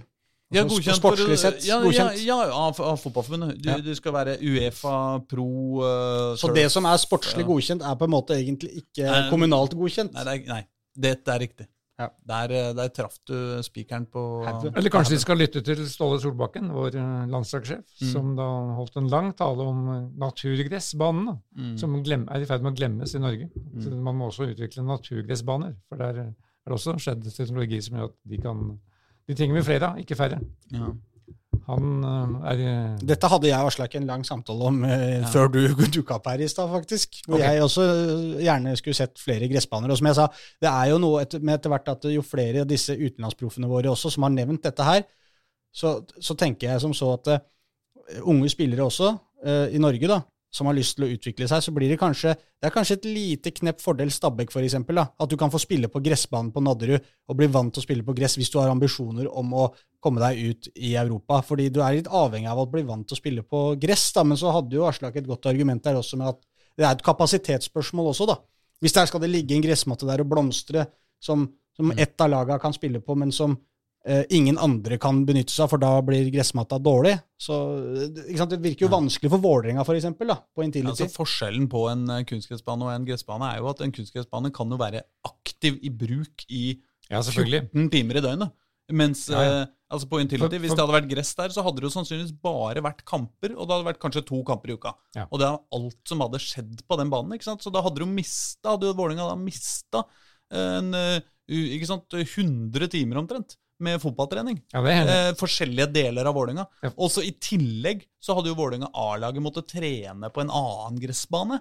Og dermed ville man mista den også. Altså, det, det Ja, for breddefotballen er er jo tvilsomt. Ja, men også for damefotballen. ikke sant? Damefotballen har de siste åra fått lov til mer og mer få lov til å spille på de samme stadionene som uh, mannelaga gjør. Og idet de eh, får samme navn også ikke sant? Altså, Vålerenga har jo alltid vært den samme klubben. Men det er klart at når eh, eh, LSK kvinner, som egentlig er Setskog Høland, ikke sant, eh, eh, spiller i LSK-hallen, så er jo det snodig. Det er jo en degradering på en måte av dem sammenlignet med hvis de fikk spille på Åråsen. Men de kan ikke spille på Åråsen fordi den er opptatt, ikke sant? Ja, ja. Eh, fordi det er gress der. Ja. Hvis det hadde vært kunstgress på Åråsen, så kunne damelaget spilt der, og så kunne juniorlaget spilt der. Det hadde vært en helt annen banesituasjon, da. Jeg, jeg, syns, jo, jeg syns jo på en måte at det er en, annen som jeg satt, det er jo en slags sånn eh, altså no, Noe av dette bunner jo at man, veldig mange av oss er veldig glad i gressbaner i det hele tatt, og syns det er uh, mm. deiligst å se fotball på gress. Og så også at det er noe sånn magisk med at det, hvis ingen spiller og trener på denne Intility Arena eller på Åråsen, da, når du først kommer på A-laget og får liksom gå inn på gressmatta der som du har drømt om, så er det en sånn magisk ved det også. Så jeg, jeg er jo enig med Solbakken og disse proffene at jeg skulle gjerne sett at det var flere gressbaner, men på en måte, dette løser ikke problemet. Det er ikke sånn at vi, vi kommer til å miste alle kunstgressbaner, så vi må finne en løsning på hva vi gjør med gummigranulat, om vi finner en løsning på dette her likevel. fordi at det, eh, Vålinga, så tror jeg ikke det kommer til å bli et alternativ, nettopp pga. det du sier, Aslak, at det er for mange uh, lag som benytter seg av den banen, og det er et kapasitetsspørsmål. Så, På Vålinga Vålerenga ville det faktisk helt konkret ikke vært tillatt, fordi Nei. Vålerenga har jo en eh, ESA-forpliktelse Men hvis, vi et, men hvis vi snakker som et land, så er jeg Ja. enig i at flere gressmatter, ja, men eh, vi, vi må fortsatt løse dette problemet med hva vi gjør med kunstgressbaner. For vi kan ikke ha det sånn at eh, de som styrer eller de som styrer landet, bestemmer at vi skal ikke ha gummigranulat, f.eks., mens det er det eneste sportslig forsvarlige alternativet. Nei, For da, da blir vi stående stille, og vi trenger kunstgressbanene for å få unga til å spille fotball, og de eldre og alle som har lyst å ha plass til alle. Ja. Vi satser på vindkorkene, vi. Det blir løsningen. Eh, han, eh, daglig lederen i, i Koffas som snakka med forrige uke, han mente at fortsatt eh, den dag i dag, eller da slutten av mai, da, så var ikke Ekebergsletta åpna for fotballspilling. For den var fortsatt for gjørmete. Og det sier noe om hvor kort eh, altså, eh, Det er klart at de der aller aller fineste banene på Lerkendal, så, så funker det bra. Men, eh, men for den store breddefotballen så, så er det ganske stor forskjell. Altså. Det, er, Det det er ikke alternativet kunstgress eller gress. Det er alternativet kunstgress eller grus. Det er helt riktig. Samme det det. ligger, en, ligger en flott gressbane på Nordre Åsen som aldri brukes av uh, fotballspillere. Oh, ja. Det er mye fine blomster der. Det er hyggelig, det, da. Uh, vi har et par uh, Vålerenga-lag å snakke om også. Ja. Eh, Det er jo i øverste divisjon, da. Uh, ja, vi kan velge kjønn også. Ja. Det går alltid for damer, jeg. Eh, dette støtter jeg, fordi da holder vi oss til sånne 4-0-kamper. Ja. Og det er jo deilig. Vålerenga damer spilte mot Lyn. eh, I det som for Lyn var åpningskampen i, i, i serien. Og ble byens eneste tapende lag Ja. denne helga, da. Men i den kampen så kunne vi ikke fått to vinnere. Nei, det, det ville vært veldig- Oppsiktsvekkende. Det ville vært oppsiktsvekkende. Uh, um, uh, du så kampen, Reidar, gjorde du ikke det? da? Jeg satt ikke vi der sammen, da? Jo, gjorde så- vi ikke det, da? Nei, jeg var ikke der. Du var ikke der, nei? Nei, Jeg var på søndag og på mandag på Interlinjen, men på lørdag var jeg, øh, ble jeg hjemme. Ja, du var søndag og mandag, og jeg var lørdag og søndag. Ja, riktig. Sånn var det. Mm. Ja, nei, jeg, Deilig, deilig rockeband, denne redaksjonen her. ja så det, det var jo første Hva heter det for noe? Um, assosiasjon. Dette var jo ikke noen 4-0-kamp, egentlig. Eh, det var en veldig treg førsteomgang. Mm. Lyn la seg bakpå, Mm. som ventet. Vålerenga spilte tregt pasningsspill. Og Lyn hadde noen kontringer som egentlig var litt farligere enn det Vålerenga kom med. Mm. Men så var det jo forskjellig, men så løsna det da om at de skåra 1-0-målet rett før pause. Og så ble det da visstnok et lurveleven i den VIF-garderoben i pausen. Oh, ja. Så snakka jeg med For det- dette var jo da igjen um, det, det som er litt morsomt, da, at uh, Vålerenga har jo henta Elise Thorsnes som sin nye superspiss. Mm. Uh, hun ble tatt ut på landslaget i forrige uke. Men Mm. hun har ennå ikke starta for Vålerenga. For hun har ikke vært vur- vurdert god nok for start der. Nei, det Men, men så kom hun da inn etter, etter pause og fikk sine to første mål for klubben. mm. Og avgjorde jo kampen. Og god nok likevel. God nok likevel, men da hadde jo da mm, Da snakka jeg med henne, og jeg snakka med det var vel Celine eh, Illusøy som sa til meg at det hadde vært gått helt for seg i den garderoben i pausen. ja. Hvor, det, ble- hvor mange snakket med utestemme. Selv om de for første gang fikk være inne i Mm. garderoben eh, i forbindelse med denne kampen.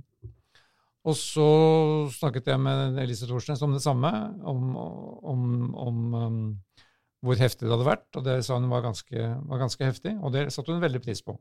Hun sa at det bør smelle litt i en garderobe når laget ikke presterer, og de skal prestere på høyeste nivå. Og så snakka jeg med da den eh, omtalte danske trener, Jack Maigård Jensen. Ja. Han satte opp da sin karakteristiske meget høye latter. Han har utelatter, mm. ordentlig. Mm. Altså, det, det er mange morsomme lattere, men den danske versjonen, den liker jeg. Og særlig hans. For han lener seg tilbake og setter, setter på alt fullt trykk fra lungene og opp. Mm. Så, så det, det høres. Mm. Da snudde jo alle seg den gangen som vi sto og snakka. For han sto og gapskratta i ene enden, mens alle andre lurte på hva, hva, hva hadde skjedd nå. Nei, han skulle bare forklare at uh, han ble ikke sint. Han ville bare Det var hans skyld at de ikke var øh, på fra start. Mm. At de ikke viste den energien han krevde. Mm. Og det var ikke spillernes feil, det var hans feil. Så han hadde skjelt ut seg selv også i pausen, sa han. Men poenget var at han snudde kampen, i hvert fall. Og de da fikk 2-0 tidlig i annen omgang. Mm. Og det ebba jo ut til å bli det. Og så kom det da de to siste på overtid. Ja. Med, hvor Elise Thorsens vel da satte den nest siste, og Synne Jensen satte de to andre. Ja, Så de fikk to hver, Synne Jensen De fikk to hver, ja, og de to er jo altså de eneste som er tatt ut på landslagstroppen, som skal møte Sverige og Nederland i neste uke. Og selvfølgelig Celine Ildusøy Ildhusøy fikk en haug med assister. Hun hadde i eh, hvert fall tre assister, da, Ja. så er vel i ferd med å eh, ha, Har vel hatt sin beste sesongstart så langt. Ja, hun skåret også to eh, i forrige kampen. Ja, Eh, Så de har to, stort sett alle spillerne på Vålerenga har skåra to mål, da, i de offensive spillerne. ja det er riktig. Og Celine har vel starta nå i hver kamp også, noe hun ikke gjorde i fjor. Så det, det er klart, når, når dette her sitter, og, og de er på energimessig, så ser dette bra ut. Fin åpning eh, med to seire, da, gitt. Veldig fin åpning. Mm. Så de har nå Kolbotn eh, borte nå, før også eh, jentene skal ut en liten pause da, pga. landskamper. Mm. Så må vi ta to, to om Lyn, som selvfølgelig har mista sin toppskårer fra i fjor Mm. til LSK, og mista noen sentrale midtbanespillere. Så Tom Stenvold, som har overtatt laget, han har noen utfordringer der med å skape, skape trøkk fremover. Um, jeg syns de hang veldig godt med. De klarte å kneble Vålerenga veldig lenge i den kampen. Men um, de skal kjempe mot for å berge plassen. Men jeg syns jo at den, eh, første, den forrige kampen til Vålerenga var så utrolig høy kvalitet på alt som skjedde utpå der. Da visste du Eh, hva de så- kan få til. Var så bra. Eh, også denne kampen mot Lyn var eh, det var litt, litt lavere nivå, men det er klart det går liksom ikke an å Igjen, som jeg sa i stad, det går liksom ikke an å klage på, på angrepet når man skårer fire. Nei, så Elise Thorsnes hun er da mestskårende i Norge på øverste nivå. Så hun, 180 hun har nå- i 181. hun har nå 180 skåringer Ja. for seks forskjellige klubber på øverste nivå i Norge. Pluss at hun har vært proff i utlandet. Uh, og har da selvfølgelig mål om å nå 200 uh, i løpet av året. I løpet av året? Nei, i løpet av året. Det sa hun kanskje ikke. Ja, det høres optimistisk ut. sa hun, hun sa at hun måtte sette leggelista høyt. Det hørtes optimistisk ut. Ja, for toppskåreren i fjor, eh, Ayara Njoya, var vel på ti. Ja. Uh, Så det skal jo, og det er jo ikke mer enn eh, Det er vel ikke mer enn ti lag i ligaen, så det er 18 kamper, da. Ja. du, du kan jo skåre 20 mål på 18 kamper, men eh, Ja, da må jeg Eller 16 kamper igjen, da. Da må jeg fortsette. Sånn Ja, som det, det- da, det er eh, Erling Braut Haaland-tall. Ja. Men da har du lagt lista høyt. Ja. Det er riktig, det. det, det må det være lov å si. Det har jeg lov til å gjøre. Men hun karakteriserte da VIF som den mest profesjonelle klubben hun har vært i i Norge. Dette tror jeg er, er bare en vill gjetning. Dette tror jeg er et faktum, ikke en, eh, ikke en subjektiv vurdering. Nei. Vålerenga herrer spilte også fotballkamp. Ja, Da var du Håkon. Nei, jeg var ikke det. Ikke denne gangen heller. Nei. Ja, men jeg og Aslak var her. Ja, vi var der. ja, ja. Det, var- det var koselig. Det er jo klart det, det var jo en kamp mot uh, et, et lag som er spådd eh, til å få medalje, mot et lag som er spådd til å røkke rett ned igjen. Uh, så da er det jo ikke sånn veldig overraskende uh, sett at det blir eh, 3-1 hjemmeseier. Nei, det var vel akkurat som, som kravet var, egentlig. Ja. Men den så jo ikke helt ut til å bli sånn i starten der. Altså, Første halvtimen så hadde faktisk Sandefjord mest ball. og Det var litt overraskende. De greide å komme igjennom, men eh, de var jo heldigvis ikke så gode til å avslutte eller eh, spille den siste avgjørende pasninga. Så, så det, var liksom, det føltes ikke helt livsfarlig heller. Men, øh, øh, men, men det er klart, når Vålerenga fikk jo først scora et mål, så er det hyggelig. Det var jo en pussig situasjon. En corner fra Aron Dønnum ute på høyresida som går inn i boksen. Og når Vålerenga har cornere som slås inn i boksen, så står det jo åtte-ti mann uh, inni der og krangler uh, som uh, godt de kan, om, først og fremst om å få lov til å stå der de har lyst til å stå. Den situasjonen ender med at keeperen til Sandefjord bokser en forsvarsspiller i bakhuet.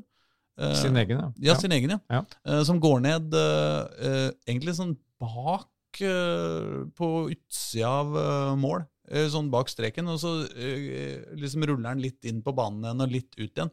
Men Vålerenga beholder jo ballen, og den forsvinner vel ut igjen til Christian Borchgrevink, eh, tror jeg, ute på kanten der.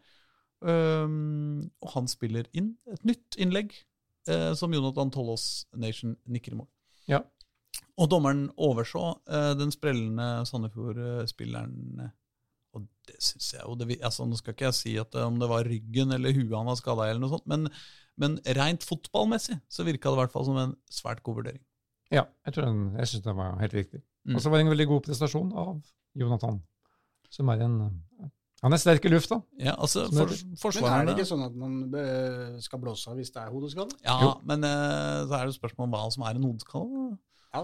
Eh, det var, i hvert fall det var, altså, Vanligvis markerer man vel det sikkert litt tydelig, at man holder seg veldig Men det er klart det var små vaginer før den dommeren kunne blåst. Han kunne fort ha blåst. Eh, så jeg skal ikke si eh, medisinsk Jeg skal ikke gi en medisinsk vurdering av hva som ville vært riktig. Nei, men, Men- det er, det er jo, dommeren heller tar ikke noen medisinsk vurdering på det. fordi det er jo det er jo sånn at de alltid tar eh, de, altså de, de vurderer jo de, Dommeren kan jo tenke det der så jo ikke ut som noe voldsomt slag mot hodet, men hvis spilleren ligger nede og holder seg til hodet, så er det på en måte ikke hans oppgave heller å, å ta den medisinske avgjørelsen. Han skal stoppe kampen og få noen til å ta den medisinske avgjørelsen. Eh, Men, men jeg, jeg vet ikke. Jeg, altså, jeg bare Ja, ja, nei, jeg, altså eh, for, for meg så så det ut som en situasjon som så lenge Altså, jeg måtte jo se det i reprise, altså, for å se hva, for å Mm. se hva det var som skjedde. Men eh, når du ser det i reprise, så er det i hvert fall veldig tydelig at det ikke er noen Vålerenga-spiller involvert i det krasjen.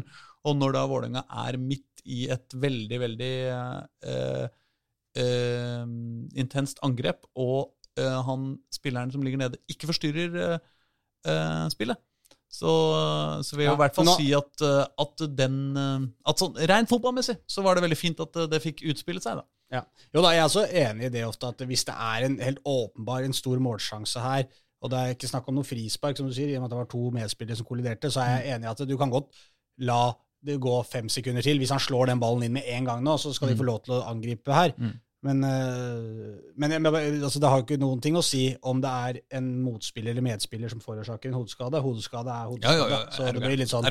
Eh, ja men poenget mitt er enig sånn rent uh, fotballmessig, så er det gøy at man får altså, Hvis de får muligheten da må du slå inn med en gang, og så avslutte dette angrepet. Eller så blåser jeg på en måte. Det, det syns jeg kan være en fin, eh, fin ordning. Men, men jeg kan jo sikkert forstå at Sandefjord mener at her burde dommeren blåst også, da. Men Det var faktisk ikke noe veldig til protester på det. Nei. Det var det protester der og da, men, eh, men eh, det, det var ikke noe som klaga til i liksom pausepraten eller Det noe var sånt. noe, som det var ikke noe snakk om dette her et, et, etter kampen heller. Nei, jeg har, ikke, jeg, jeg har jo ikke sett dette heller, da. Jeg tar det jo bare Nei. for det dere har eh, det dere Ja, for ellers handla dette mye om Marion Dønnum igjen, da. Ja, og Henrik Udal. Og Henrik Udal, den andre gangen, som da de heva seg veldig, og Mm. blei veldig god. Mm. Og for, å ta Dønnum først, han har jo nå reist videre til sin første A-landslagssamling. Mm. Så han er jo på plass i Spania nå. Han får ikke spille den første kampen, men han kan, kan få spilletid i den andre, Mm. som er mot Hellas på søndag. Men uh, andreomgangen hans igjen. altså Han viser jo offensive kvaliteter, og nå har vel vår kollega Jørn lagd en sak på han med at han også statistisk viste at han har flest avslutninger av alle i Eliteserien. Ja, og er blant, uh, på topp tre av hvem som blir felt oftest. Riktig. Mm. Så, så han er mye involvert offensivt, Mm. men ikke fullt så mye defensivt, kanskje. Nei, det, det må det være lov å si at eh, han tar vel eh, ett eh, defensivt løp i hele kampen, og det er på tre meter.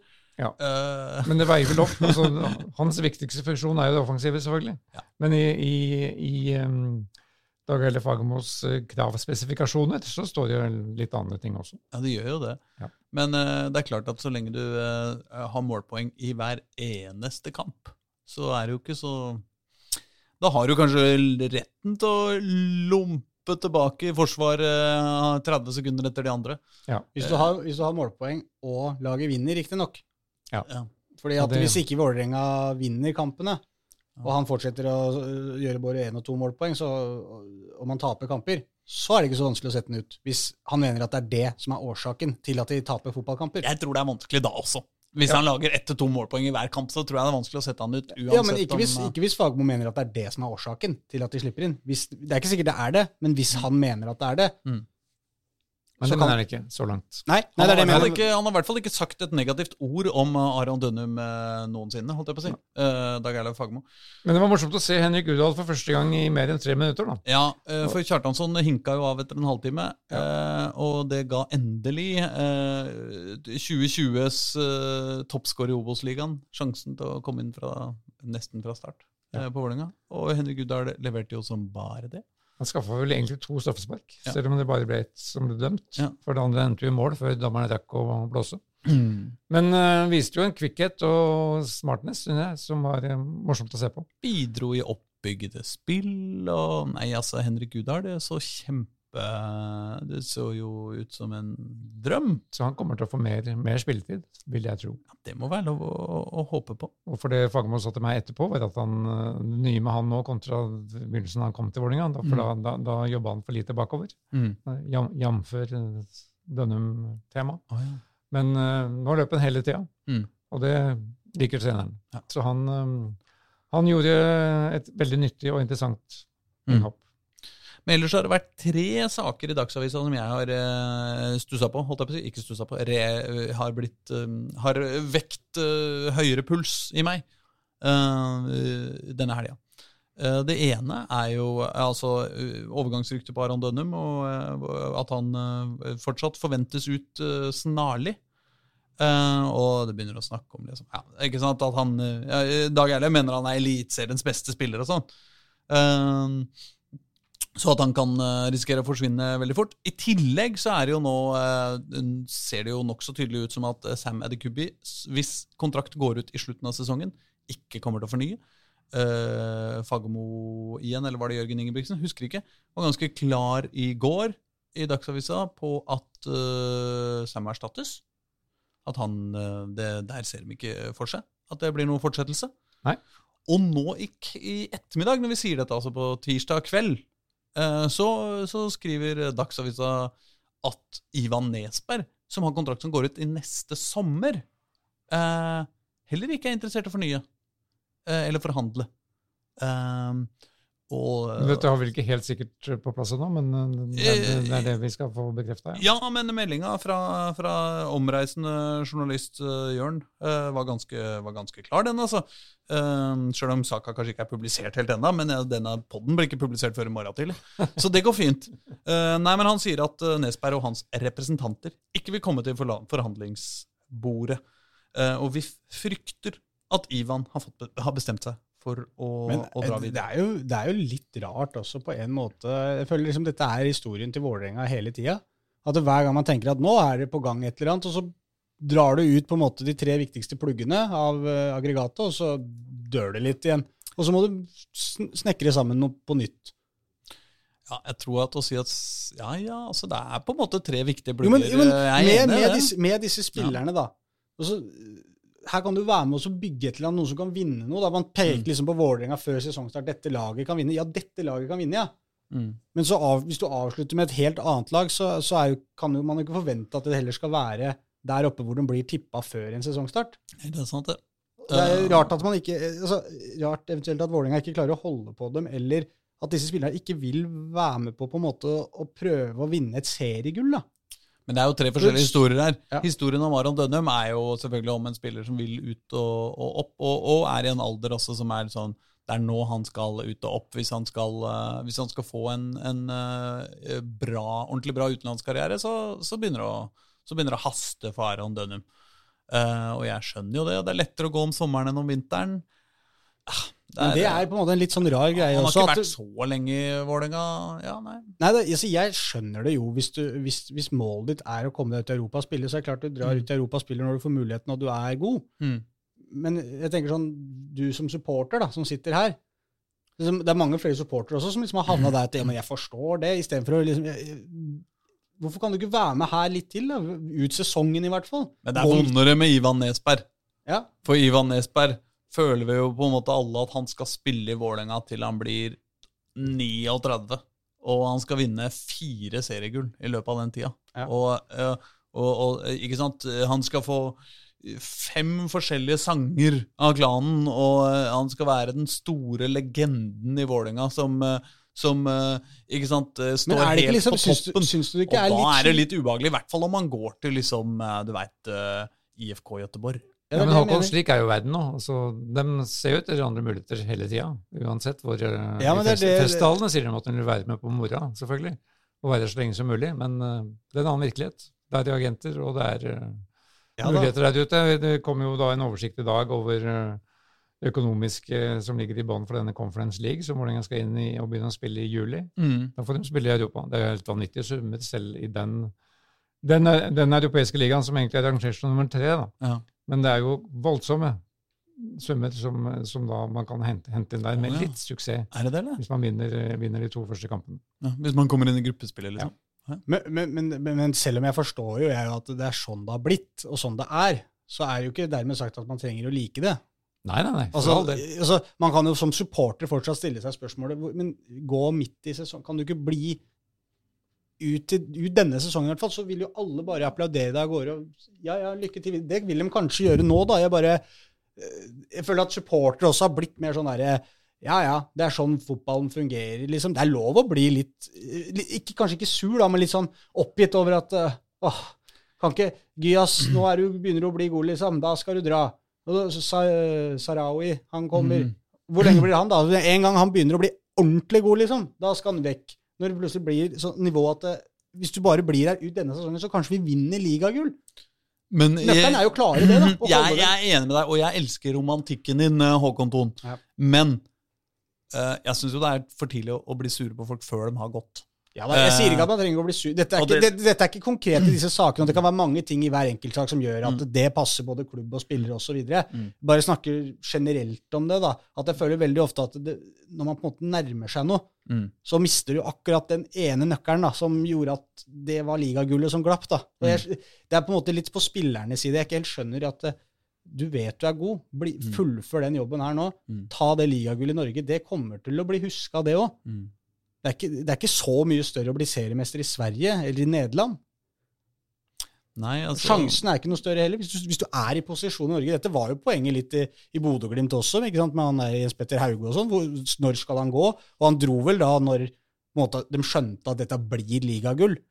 Og det, det er det å liksom fullføre prosjektet, da. Ikke gå liksom midt i det. Men det, det, det, dette er ikke, det er ikke for å Jeg er ikke sur på dem, jeg. Altså det, Nei, det du er vel eh, For det- min del kan de dra alle sammen, men Ja, så det, det, Derfor Fagermo satt oss at nå, den, denne lille ferien da, som er nå, faktisk Mm. det, det er jo to uker til neste kamp. Da, skal han bruke det til å spane etter nye, nye spillere. Han skal rett og slett shoppe. han. Han skal shoppe. Ja. Det blir For- spennende. Det er jo ingen av For ingen, penger han ikke har, sier han, men, eh, Nei. men uh, alt er jo nevnt til å løse seg i VIF. Kan jo nevne på tampen her bare også at uh, Vålerenga og Grorud spilte en kamp på Ja. mandag.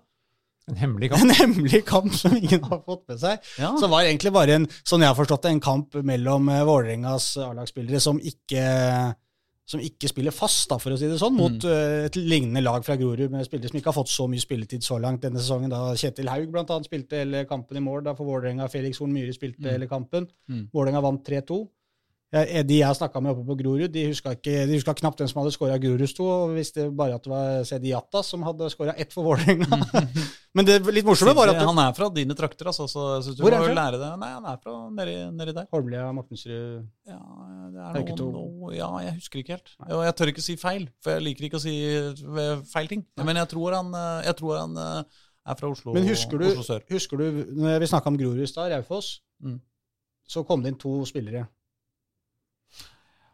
Åh, som sørga for eh, Pettersen Pettersen. oh. Skaffa straffesparket, og så kom det en til som skåra to mål. Hva har jeg glemt? Osestad. Osestad. Og begge de gutta skåra også mot Vålerenga Oi! og Kjetil Haug. Ja. Så det, dem eh, Ok, Denne kampen ble spilt på Intility. Intility. Ok. ja, men så hyggelig, da.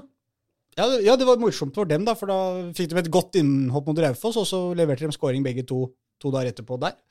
Så da begynner de å komme i form. Og Fredrik Pettersen er jo en spiss som har vært ute ganske lenge for Grorud, har slitt mye med skader. da, Så moro hvis de klarer å få i gang han nå også, da, så har de enda mer å spille på offensivt. Mm. Og Osestad. Offens- Offensiv han òg. Det er som, i- det er som i uh, Vålerenga damer. Eh, alle skårer to mål hver. Ja. Ja. Ja. Det, er, eh, det er linja. Eh, apropos Vålerenga damer, fordi det glemte vi i, å, å, å snakke om. Eh, de har jo også uh, signa en, eh, en eh, Bayern München signa en spiller fra Bayern München. Stemmer det? Ja, eh, Det er faktisk storesøstera til Herman Stengel. Ok. Nei da, det er ikke det. Men hun heter Stengel. Ja. Eh, Og det er jo litt, eh, litt gøy. Nei, det er ingenting som eh, tyder på at, eh, tyder på at eh, de, de, er de er i slekt. Det hadde vært, eh, det hadde vært veldig rart. Um, Det Ja, for, det er for det er jo fascinerende både det du sier om, eh, om dette med kjøp og salg. altså Virksomheten av kjøp og salg i kvinnefotballen, den, Mm. har, den har tatt av. mm. Nå er det vel Det var vel eh, en av disse topplederne som sa det nå, at nå, Nå er den der hvor eh, mannefotballen var for, for 20 år siden. Altså, Nå Mm. har nesten alle, alle profilerte spillere i to- har egne agenter. Mm. Det er um, stor Økonomien er under Men Katie Steng. Katie Katie Stengel er i hvert fall eh, amerikaner, spilt i Bayern München, er 29 år. eh, og eh, blir eh, henta til Vålerenga. Dette tyder jo absolutt på at det er en spiller som, som skal spille. Eh, og, det, og det med, med en gang. Men han vil jo kritikerne peke igjen på at det, det er- litt paradoksalt at damelagets profil er stikk motsatt av guttas, som prøver å, å, få å avle opp egne talenter, og hvor det er en stor del av profilen. Oslo-gutter eh, som har vært innom eh, 16-17-18-årslagene til VIF, mens toppserielaget henter stort folk rett inn. Ja, det er ikke mye, det er ikke mye uh, A-lagsspillere der nå som, uh, som spilte i Vålerenga da de var 16, Nei. tror jeg. Nei. Eh, men uh, kanskje noen. Dette får vi grave lenger i. Det er de sannsynligvis også- bare én. Uh, Vålerenga har- meldte også i samme slengen at de har jo tidligere i år uh, signa en 17-åring fra Molde uh, som heter Stine Brekken. Uh, og så har de signa en danske som ikke er offentliggjort navnet på, fordi de spiller ferdig den danske superliga, eller hva den heter. Superliga. Eh, hva den heter for Det Nei, jeg vet ikke det for damer også. Men eh, hun er i hvert fall eh, Hun spiller eh, skal gjennom eh, ferdig spille ferdig serien i Danmark før eh, de offentliggjør eh, hvem hun er, og at hun skal til Vålerenga. Men altså, jeg mener, eh, overgangsvinduet er jo stengt, så de har jo signa henne. De bare har ikke Det er sikkert eh, mulig å få Jeg, jeg utlevert liker, navnet hvis jeg liker egentlig akkurat det veldig godt. Hvis du har bestemt deg for å gå til en klubb, har signert, så liker jeg på en måte at ikke det offentliggjøres, fordi jeg føler det blir sånn rar dynamikk når du skal spille for et lag, og så alle vet at du egentlig hører til det konkrete laget. Det er bedre å vite at eh, hun forsvinner etter sesongen. Vi vet ikke Eller Altså, Vålerenga vet at hun kommer, da. Tyskerne er jo helt gærne på det. De har jo sånn herre Spiller eh, Treneren eh, skal spille ut sesongen etter sjøl om han har signa over til det andre laget. Ja, kjemperart, ikke sant? Det er jo helt sjukt. Det går ikke an. Eh, men sånn er det. Felix Horn Myhre er jo i denne skvisen for Vålerenga. Men eh, det er jo litt gøy. Men det er jo da eh, det er jo antakelig bare Emilie Libakken Østerås. Hvorfor kom ikke hun på dette laget? Vårt, vårt Ja, vi hadde jo allerede Kenneth Østerås, Ja. det var vel sikkert derfor vi hadde Men hun to er- Østerås. Ja, men Emilie Østerås burde vi jo ha prioritert. Jeg Hun er synes rå. det. Men hun er da den eneste som har vært med i VIF-systemet hele veien, og som faktisk nå er, i hvert fall sitter på benken Ja. og er, eh, har vært mye, vært mye innpå. Men uh, hun ser bra ut. Hun ser bra ut. Så jeg tror skal, det. Og så skal det sies at, at Vålerenga er ikke helt nakne på, på juniorsida. Altså, de har gått J, J, J, J, J 19-lag. Mm, Ja. Som, eh, så, så Ja de, de kommer til å få noe ettervekst derfra. Absolutt. Men det uh... Men det er veldig påfallende at de handler inn noe ferdig, ferdigvare utenfra. Veldig mye. mm. Som også Elise Thorsnes var, selvfølgelig. Absolutt. Men dere, jeg lurer på om vi skal si eh, takk og farvel? Ja? Nei, vi må, vi må kort nevne at andredivisjon nærmer seg. Ja, det er sant! At både Skeid og Kjelsås var i aksjon, hadde sine første spark på ballen. Og både Skeid og Kjelsås vant også sine, sine treningskamper i helga, bare for å understreke. Da var vi halvveis i podden, da, dere. Er bare å stålsette seg for en time til. Ja, Nei, men Da var det kjapt gjort. Skeid slo Bærum 3-0 på, Ja. den, eh, på eh, Nordre Åsen, som det igjen er støy om. ja Vi går ikke inn i den saken nå. Det Nei. kan man lese på Karstensens lange avhandling om. Ja, da. Um, Skeids krig med kommunen. Mm. Men eh, de har da fått eh, nye spillere, Skeid. Eh, Abdul Basit Agoda har vært både i Grorud og KFM. ja. Og er også egentlig, har vel bakgrunn i Skeid, tror jeg. Så han har tatt, fullført sirkelen, er tilbake igjen Mm. og benyttet anledningen til å skåre et mål uh, i 3-0-seieren over Bærum. Og så har de fått, en, fått selvfølgelig Gard Holme har jo sine kontakter i Vålinga, så Ja. to mann fra rekruttlaget der har jo kommet over. Ja. Lukas Holl Thorsen. Mm. Jeg syns jo Holl er et, Lukas Hold er et veldig Hold er veldig fint. Ja. Det, det skrives ikke som man tror det gjør. Det er med H og LL. Ja, Det, det er kjempekoselig. Kjempekoselig. Mm. Og Martin Beck Risnes, som begge er kommet fra rekruttlaget til VIF til Skeid. Ja, men var ikke, unnskyld meg, var ikke begge disse henta opp i A-stallen til VIF, da? Nei. Jeg mener, så, så Har ikke vi sittet og hørt Jørgen Ingebrigtsen snakke disse gutta opp i skyene bare for uh... Ikke Lukas Holl Thorsen, men broren Nei, men, til eh, Martin Beck Risnes, uh, kanskje i avstanden til VIF. ja. Oh, det er der jeg er forvirra, vet du. Ja, ja, ja. Som igjen er sønnen til Miflingen Dag Risnes. Ja da, ja da. Ja. Men som nå, nå skal spille for Skeid. Der uh, en annen nykommer, Gabriel Andersen, fra toppskåreren til Tromsdalen i fjor. Han satte 1-0. Abdul satte 2-0, mens Simen Hestnes skårte det tredje, i tillegg til at Jonny Budusson bomma på straffespark. Så dette ser jo løfterikt ut for Jeg gleder meg til å se Simen Hestnes spille fotball igjen. jeg. Ja, han er god. Han er morsom. Så det blir, jeg har eh, glemt nesten. Ja. Nå, nå, det, nå begynner det snart, Reidar. Andredivisjon. det begynner 19. juni. Da møter Skeid Arendal på den utskjelte hjemmebanen. Og Kjelsås har uh, Vard Haugesund. Da overlater vi Kjelsås til deg. Du har, sett, du har hørt dem og sjekka dem? Ja, ja, ja. Kjelsås vant eh, 2-1 mot uh, Moss. Skåring Erik Grønner og Jens Bonde Aslaksrud. Du er ikke spiker nå? Skåring. Nei, men uh, Aslaksrud skåra. ja, ja, Nei, de, de havna under 1-0. Lå under 1-0 eh, like etter pause og eh, utlignet med et kvarter igjen Mm. med Grønner. Og så skåra Aslaksrud, Aslaksrud på straffespark. Ja, det er godt det er noen som kan sette straffespark. Og om uh, breddefotballen så var vel det mest uh, minneverdige øyeblikk uh, fra sist helg Aron Dønnums, som, hvor alle VIF-spillerne hadde klubbtrøyer fra Oslos breddeklubber. Mm. Og Dønnum valgte seg da Lyn. Ja, og dette har ikke gått Lynfansen hus forbi. Det har vært veldig mye sutring i sosiale medier den siste uka eller siste dagene. Eh, og eh, tilsvarende mye hovering fra, fra Vålerenga-sportere, som kan på en måte kombinere dette med å gi støtte ved å gi Men var det eh, ingen som plukka opp faresignalene her, eller er det helt historieløse alle mann? Nei, jeg, jeg tror da Vålerenga gjorde dette med vilje. Ja. Jeg tror det var en Ja, eh, slags en- eh, Ja, jeg skjønner jo det, da, sånn sett, men å gå utpå der som Vålerenga-spiller med lyndrakt Nei, nei, de bare bar draktene. Oh, ja. Han holdt den ja, de hadde det ikke på seg. Eh, Så bare for å demonstrere at Lyn på en måte er en blitt en breddeklubb, så gjorde de det. Det kan i hvert fall tolkes på den måten. Og det er ingen som har Jeg føler igjen da, dette er jo, Det skal jo være litt i solidaritet, dette her, egentlig, da, men uh, blir kanskje ikke helt Love hurts. ja. Jeg, altså, Lyndrakt ble vurdert også Grorud. De marsjerte jo inn med breddefotballdrakter, de også, på Nammo stadion. Mm. Eh, og da ville Oskar Aga, eller han hadde i hvert fall spurt om han kunne stille i lyndrakt, men hadde fått nei av Grorud, for det tilhørte ikke Groruddalen. Oh, ja, det måtte være Grorud-klubber. De ville representere Groruddalen, ikke sant? så da var det Haugerud og Linderud, Lindeberg, Mm. Ellingsrud, Høybråten og Stovner. Stovner. Og Oppsal hadde sneket seg inn. De Mm. prøvde å snike til seg Oppsal. Jeg sa er ikke Oppsal er vel ikke Groruddalen, men eh, de fikk lov til å komme. da. Har ikke vi hatt en lengre diskusjon om dette engang? Jo. Samme det. Eh, da kan vi få lov til å takke for oss. Da kan vi si takk for oss. Eh, Hør på oss igjen i neste uke. Da kommer det til å skje noe annet og minst like spennende. Mm. Men hva? Det vil vise seg. Ha det! Ha det!